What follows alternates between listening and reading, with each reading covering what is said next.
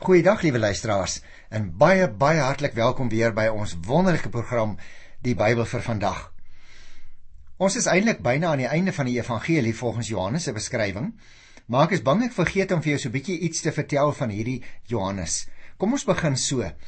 Ek dink liewe luisteraar, daar seker geen groter motivering nie as om te weet dat iemand vir jou en vir my lief is. Ons vermoë om lief te hou dikwels verband met die liefde wat ons van ander mense ontvang. Ons het ook gewoonlik lief in dieselfde mate as waarin ons liefde ontvang. Jy sien, die goddelike voorbeeld van die Here Jesus se liefde is so groot dat dit 'n mens eintlik laat terugduins as jy daaroor dink. Maar tog laat dit 'n mens besef wat werklik behoort te wees as 'n mens liefde het. Jy sien, die lieflike disipel wat die Here Jesus se liefde op 'n baie besondere manier ervaar het, het 'n baie pragtige en 'n baie betekenisvolle vertelling oor die Here Jesus se liefdesoptrede op aarde in die Johannes Evangelie gegee. Die disipel Johannes wat telkens sy verhouding met die seun van God bevestig deur hom te self verwys as die disipel vir wie die Here Jesus baie lief was, soos byvoorbeeld in Hosea 21 wat ons vandag uh, gaan begin behandel daar by vers 20. Jy sal dit ook sien in vers 7. Die Here Jesus se liefde is natuurlik uiteraard 'n tema wat dwars deur al die evangelies loop. Maar dit kom op 'n baie besondere wyse in hierdie boek wat ons nou byna klaar behandel het, naamlik die evangelie van Johannes tot uiting. Johannes se liefde dink ek kan ons met baie goeie reg sê was 'n werklikheid wat Johannes sterk en persoonlik beleef het. En daarom was hy ook baie sensitief vir die Here Jesus se woorde en ook vir sy dade wat duidelik sy liefde vir mense bewys het. Ons het so baie van daardie voorbeelde van die Here se liefde teenoor mense raak gelees ook in hierdie evangelie. Jesus het Johannes natuurlik baie goed geken en hy het hom ook volkome liefgehad. Hy het hom en sy broer Jakobus, die bynaam sal jy nog onthou, die seuns van die donder gegee. Moontlik juis omdat hulle by geleentheid vuur van die hemel af wou bid om 'n dorpie wat die Here Jesus en sy disippels nie wou ontvang nie te vernietig. Jy onthou nog daardie verhaal wat ons gelees het in Lukas 9, daar by die 54ste vers. Nou in die bladsye van hierdie evangelie volgens Johannes se beskrywing leer ons die God van liefde op 'n baie baie besondere manier ken. Wat verlossing sowel as oordeel gestuur het oor die menswording van sy seun. Wie naamlik in die seun glo, is geoordeel tot liefde, maar wat die seun verwerp, is geoordeel tot die ewige straf. Alle mense word dus geoordeel, maar die wat nie glo nie word ook terselfdertyd veroordeel. Jy sien, God se liefde is opreg, omdat hy die verlossing van die mens ten spyte van die sonde soek. En net so het God vir elkeen van ons, wat almal sonder mense is, volkome lief, net soos wat hy vir Johannes volkome lief gehad het. Johannes en die ander disippels oortuig ons dat God in staat is, maar dat hy ook bereid is om vir jou en vir my te aanvaar net soos wat ons is. Jy sien, 'n mens hoef nie eers te verbeter voordat die Here jou aanneem nie. Jy kan net soos wat jy is na hom toe kom en dan verander hy jou. Om die werklike omvang van die Here Jesus se liefde te besef, spoor hy ons telkens aan om nuwe lewens te lei. Hy gee nie sy liefde vir ons in ruil vir ons pogings om te verander nie. Nee. Nee, sy liefde maak ons vry om werklik eers te kan lewe. Jy onthou sy uitspraak in Johannes 8 vers 36. Dis eers as die Seun julle vrygemaak het dat julle werklik sal vry wees. Ons liefde is dus nie 'n prestasie nie, maar is slegs die dankbare antwoord op God se groot liefde vir ons. Ek wonder of jy ook al daaroor gedink het. Besef ons elke dag hoe groot se liefde vir ons werklik was? Ja, liewe broer en suster, hoe groot sy liefde vandag nog vir elke een van ons is. Nou ek dink ons kry ook hier 'n baie goeie voorbeeld in die laaste hoofstuk, naamlik Hosea 21 van Johannes Evangelie, want ons het hier drie kort gedeeltes waar die Here Jesus eers nog 'n keer aan sy disippels verskyn en dan volgende keer in die volgende program gaan ek met jou uh, gesels oor die tweede opskrifie Petrus skryf sy opdrag en dan gaan dit afsluit met die disipel vir wie Jesus baie liefgehad het en ek dink dit is baie gepas dat ons juis met die gesprek tussen die Here Jesus en Johannes sal afsluit volgende keer. Maar goed, kom ons begin dan dadelik met hierdie gedeelte. Dit is Johannes, die 21ste hoofstuk. En dit handel in hierdie eerste 14 verse uh hoe dat die Here Jesus weer aan sewe van sy disippels by die see van Tiberias verskyn. Dit gebeur eintlik by 'n strandontbyt. Kan jy jou dit net voorstel hè? En daar deel hy vis en brood uit aan die disippels na 'n wonderlike visvangs van 153 visse in 'n werpnet. Die disippels het na die wondervangs geweet dat dit werklik die Here is. En Johannes het natuurlik die Here Jesus erken omdat hy van tevore 'n soortgelyke wonderteken gedoen het. Maar kom ons lees die verhaal, want jy sien hierdie laaste hoofstuk van die evangelie volgens Johannes dra juis die karakter van 'n toevoeging na die natuurlike afsluiting wat mens eintlik in hoofstuk 20 by die 31ste vers gekry het. Ek wil dit net weer vir jou lees. Maar hierdie wondertekens is beskrywe sodat julle kan glo dat Jesus die Christus is, die seun van God, en sodat julle deur te glo in sy naam die lewe kan hê. Maar nou kom die 21ste hoofstuk in die oudste manuskripte voor en was dit dus deel van die evangelie. En daarom natuurlik doen ons dit baie graag. Luister na vers 1. Daarna het Jesus weer aan sy disippels verskyn by die see van Tiberias. Dit het so gebeur. Nou voordat ons die gebeurtenis self lees, liewe luisteraar, moet jy oplet na Jesus se verskyning aan Maria Magdalena daar in Hosea 20 en ook sy verskyning aan sy disippels op die twee agtereenvolgende Sondae. Ons het dit gelees in Hosea 20 van vers 19 af en toe die tweede verskyning op daardie selfde Sondag van vers 26 af, het die Here Jesus nou weer volgens die skrywer van hierdie evangelie aan sy disippels verskyn by die see van Tiberias. Dit is natuurlik dieselfde plek sal jy onthou as die see van Galilea. Vers 2 sê: Simon Petrus en Thomas wat ook Didimus genoem is, Nathanael van Kana in Galilea, die seuns van Zebedeus en nog twee ander was daar saam. Jy moet opmerk, Here Jesus het van tevore beloof om die disippels in Galilea te kry. Gaan kyk maar byvoorbeeld in Matteus 28 vers 7 en dit word ook gesê in Markus 16 by die 7de hoofstuk. Nou volgens die naamlys wat nou hier vir ons gegee word, het 7 van die 11 disippels nou daar by mekaar gekom want die Here het mos vir hulle gesê hulle moet soontoe gaan. Die derde versie sê Simon Petrus sê toe vir hulle ons gaan visvang. Ons gaan ook saam met jou, sê hulle vir hom. Hulle het gegaan en in die skuit geklim, maar daardie nag het hulle niks gevang nie. Het jy weer opgemerk, luisteraar Petrus, die leier van die groep, neem as dit ware hierdie inisiatief en hy stel voor dat hulle gaan visvang. Want ek kan my voorstel na die verpletterende gebeure in Jerusalem met die sterwe en die begrafnis van die Here Jesus, het die disippels se gedagtes moontlik teruggegaan na hulle vorige beroep toe, naamlik hulle was almal vissers, onthou jy nog? En eenparig klim die disippels nou ewe dapper saam met Petrus in die skuit, maar die nag, sê vers 3, vang hulle niks. Snags is natuurlik gereken as die beste visvangtyd. En dit het ook vis op die volgende oggend se mark beteken. En daarom het die disippels ook op hierdie stadium uitgegaan om vis te vang, want miskien het hulle vir hulle self gesê, ons sal daarom nou moet begin om weer ons ou beroep op te neem, want wat gaan nou van ons werk word? Maar nou sê die 4de vers, toe dit al lig was, het Jesus daar op die strand gestaan, maar die disippels het nie geweet dat dit hy is nie. Dis 'n wonderlike versie wat hier geskryf is, nie waar nie? Teen dagbreek het Jesus vir op die strand gewag as dit ware. Maar net soos in die geval van Maria Magdalena daar in Hoofstuk 20 by vers 14 en ook in die geval van die Emmausgangers wat ons gekry het in Lukas 24 vers 16, herken hulle nie die Here Jesus nie. Al het hulle hom al twee keer na sy opstanding gesien. Jy onthou daar in Hoofstuk 20 van Johannes van die 19de vers af en ook van vers 26 af. Maar nou vertel die vyfde vers vir ons. Jesus vra toe vir hulle: "Mense, het julle nie iets gevang om te eet nie?" "Nee," antwoord hulle hom. Ag, is my wonderlik. So vroeg die môre het die viskopers gewoonlik die vangste staan en inwag. Nou die Here Jesus staan nou ook en wag vir hulle. Maar eienaardig vir 'n vreemdeling noem hy hulle soos die oorspronklike in die Griekse taal dit geskryf het, kinders. Nou was dit natuurlik gebruiklik as aanspreekvorm in 'n leermeester-disipel verhouding. Hy vra of hulle nie iets gevang het om te eet nie. Die vraag impliseer natuurlik nee. Op 'n afstand oor die water skree die disippels nou ook: "Nee. Ons het niks gevang nie."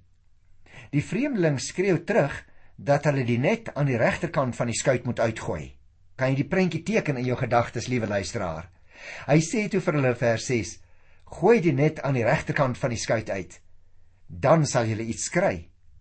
Nou, moontlik het die disippels dalk gedink dat die vreemdeling op die strand inligting ingewin het. Dalk by ander vissermanne gehoor het.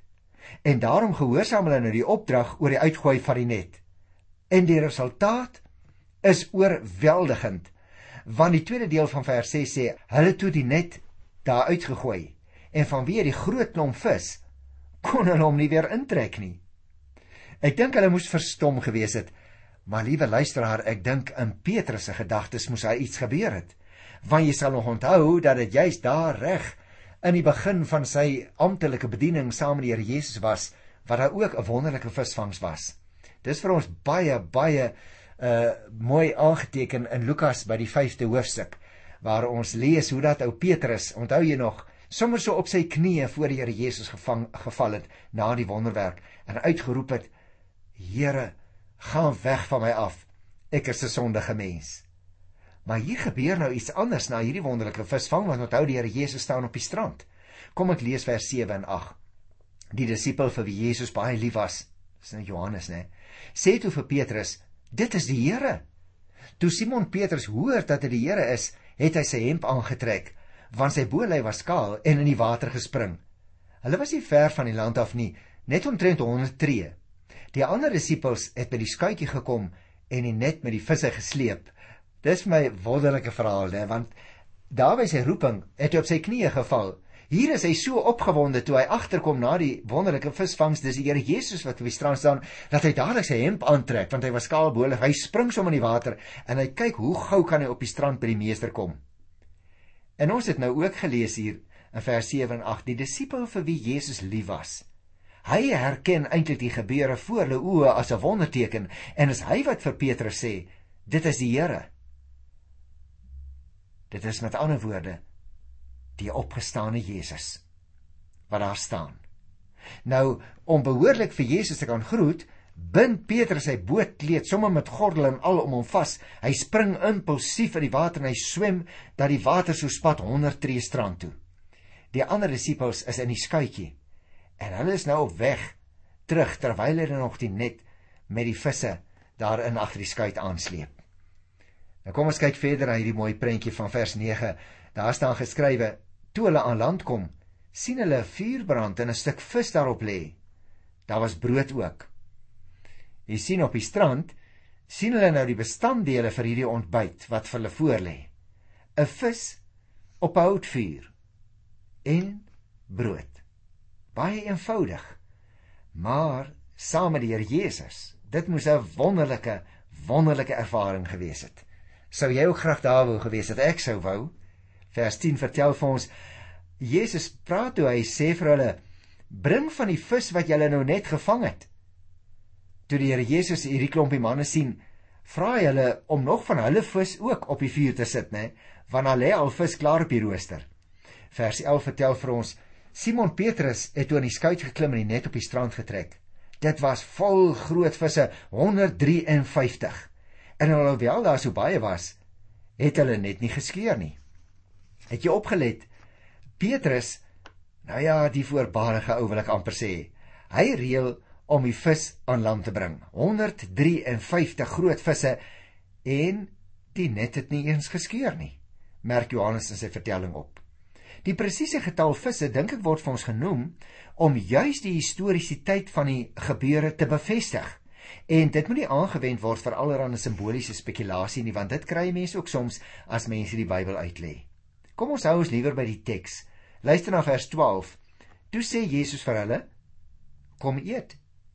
Nie een van die disippels het so ver gekom om hom te vra: Wie is u nie? Hulle het geweet dat dit die Here is. Dis my 'n baie wonderlike prentjie wat hier geteken word, né, wanneer Jesus nooi na die disippels om saam te kom ontbyt eet. Volgens die Joodse gebruik van daardie tyd was daar eintlik twee groot maaltye elke dag. Daar was ontbyt, gewoonlik voor die dag se werk begin het, en dan natuurlik was daar die hoofmaaltyd gewoonlik so teen die aand se kant. Die disippels eet saam met 'n eerbiedige teruggetrokkenheid, lyk dit vir my, naamlik sonder om Jesus te vra wie hy is. Hulle weet immers dat so wonderwerk net deur die Here gedoen kon word. Die 13de vers sê Jesus kom toe, neem die brood en gee dit vir hulle en net so ook die vis. En weer eens, liewe luisteraar, wonder ek of hulle gedagtes teruggegaan het na daardie groot voedingswonderwerk. Die dag toe hy die 5000 mans en die baie vrouens en kinders ook nog gevoed het. Nou hier moes die Here Jesus natuurlik die brood en die vis uitdeel aan huiwerige disippels. Het ek reeds vir jou gesê, dit lyk vir my hulle was so 'n bietjie onseker. Hulle was nie baie spraaksaam nie.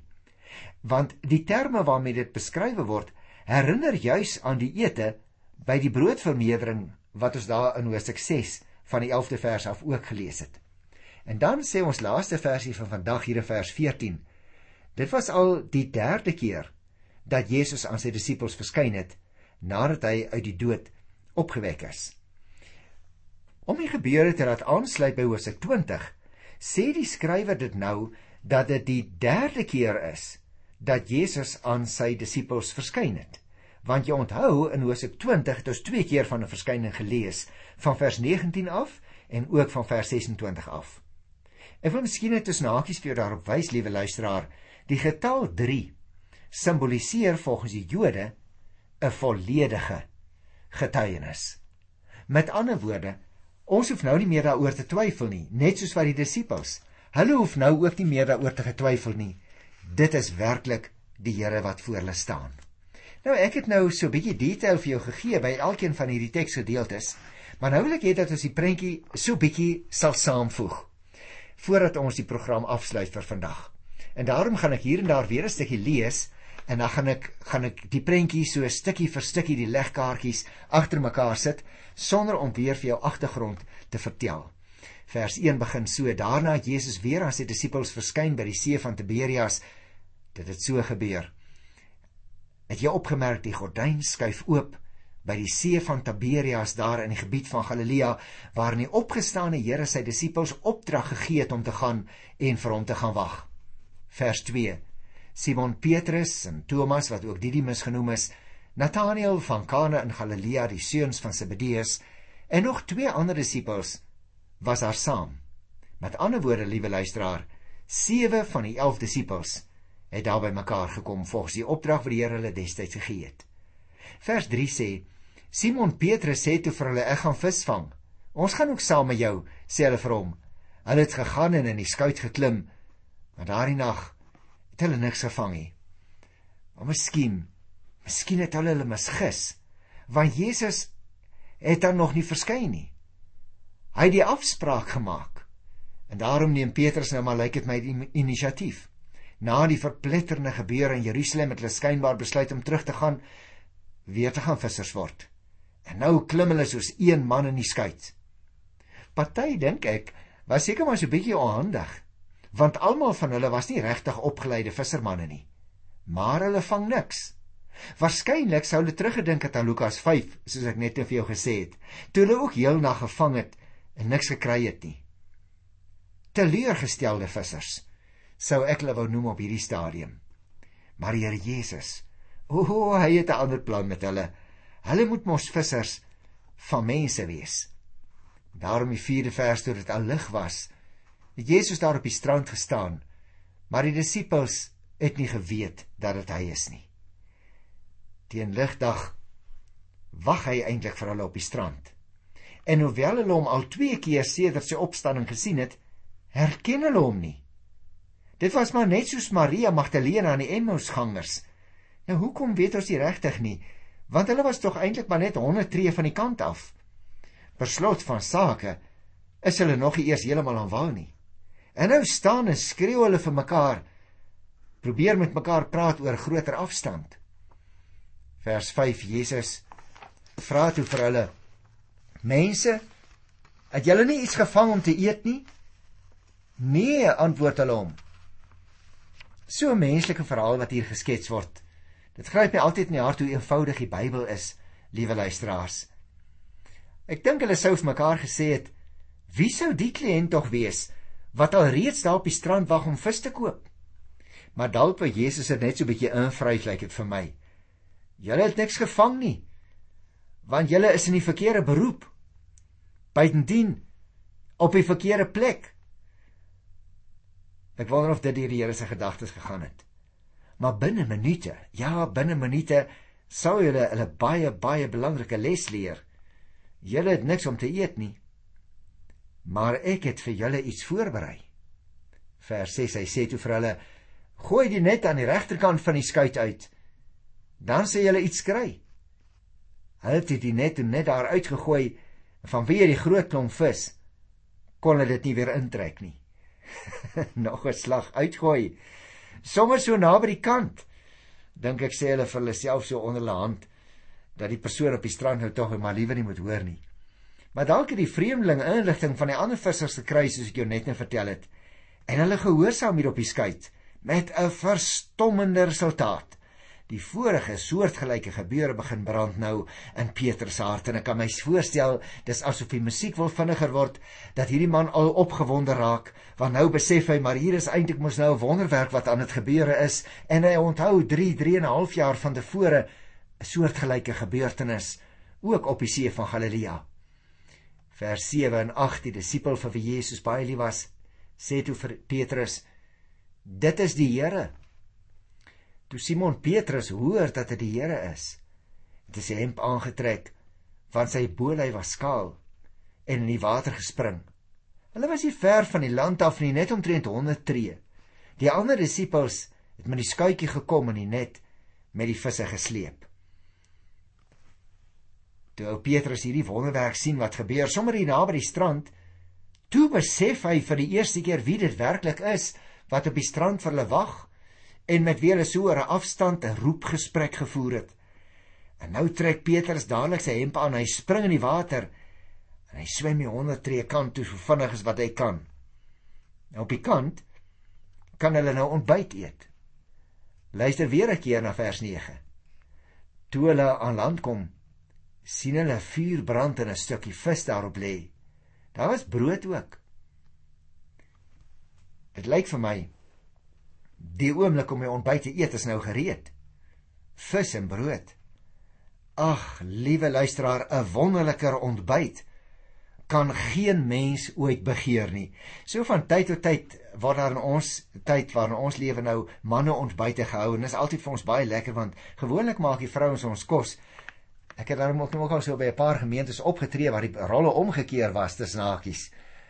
Waar die manne die kos gemaak het vroeg in die oggend en dan het die vrouens gekom om te eet. Maar hierdie ontbyt saam met die meester op die strand, hulle sou dit nooit weer in hulle hele lewe vergeet nie. Nou begin die Here te praat in vers 10 weer 'n keer. Hy sê vir hulle: "Bring van die vis wat julle nou net gevang het." Hy sê: "Bring sommer so van dit. Ek het al hier 'n vis op die rooster, maar bring van julle sin ook. En toe het ou Simon in die skuit geklim en net op die land getrek. Dit was vol groot visse. Ek het net al vir jou gesê daar staan in die Bybel 153 en toe toe nooi die Here hulle. Kom eet. Net so eenvoudig staan dit in die Bybel. Hulle kyk maar weer in die vuur stel ek my voor. Hulle boor dalk skaam skaam met hulle tone in die sand op die strand. Hulle wil nie pront uitvra wie hy is nie. Want hulle weet dit mos nou eintlik. Wie anders as hulle meester kan so 'n wonderwerk verrig? Nou vertel die 13de vers vir ons. Jesus kom toe. Hy neem die brood en hy gee dit vir hulle. En net so ook die vis. Fantasties. As jy my nou sou vra, liewe luisteraar, wat is die doel van hierdie gedeelte? dan sou ek drie dingetjies wou sê. Nommer 1 om te bewys dat die opgestane Here nog steeds in sy kerk belangstel, alwou hulle al begin moed verloor, terugkeer na die ou paaie toe. Die tweede ding, koninkrykswerk moet met ywer hervat word. Die derde ding, die herder besoek sy vissers. Hy wil vir elke een van ons gebruik waar hy vir ons op puntdiens gesit het. Ek groet jou in die naam van die wonderlike wonderlike grootste visserman van alle tye. Jesus Christus, die opgestane Here. Tot volgende keer. Totsiens.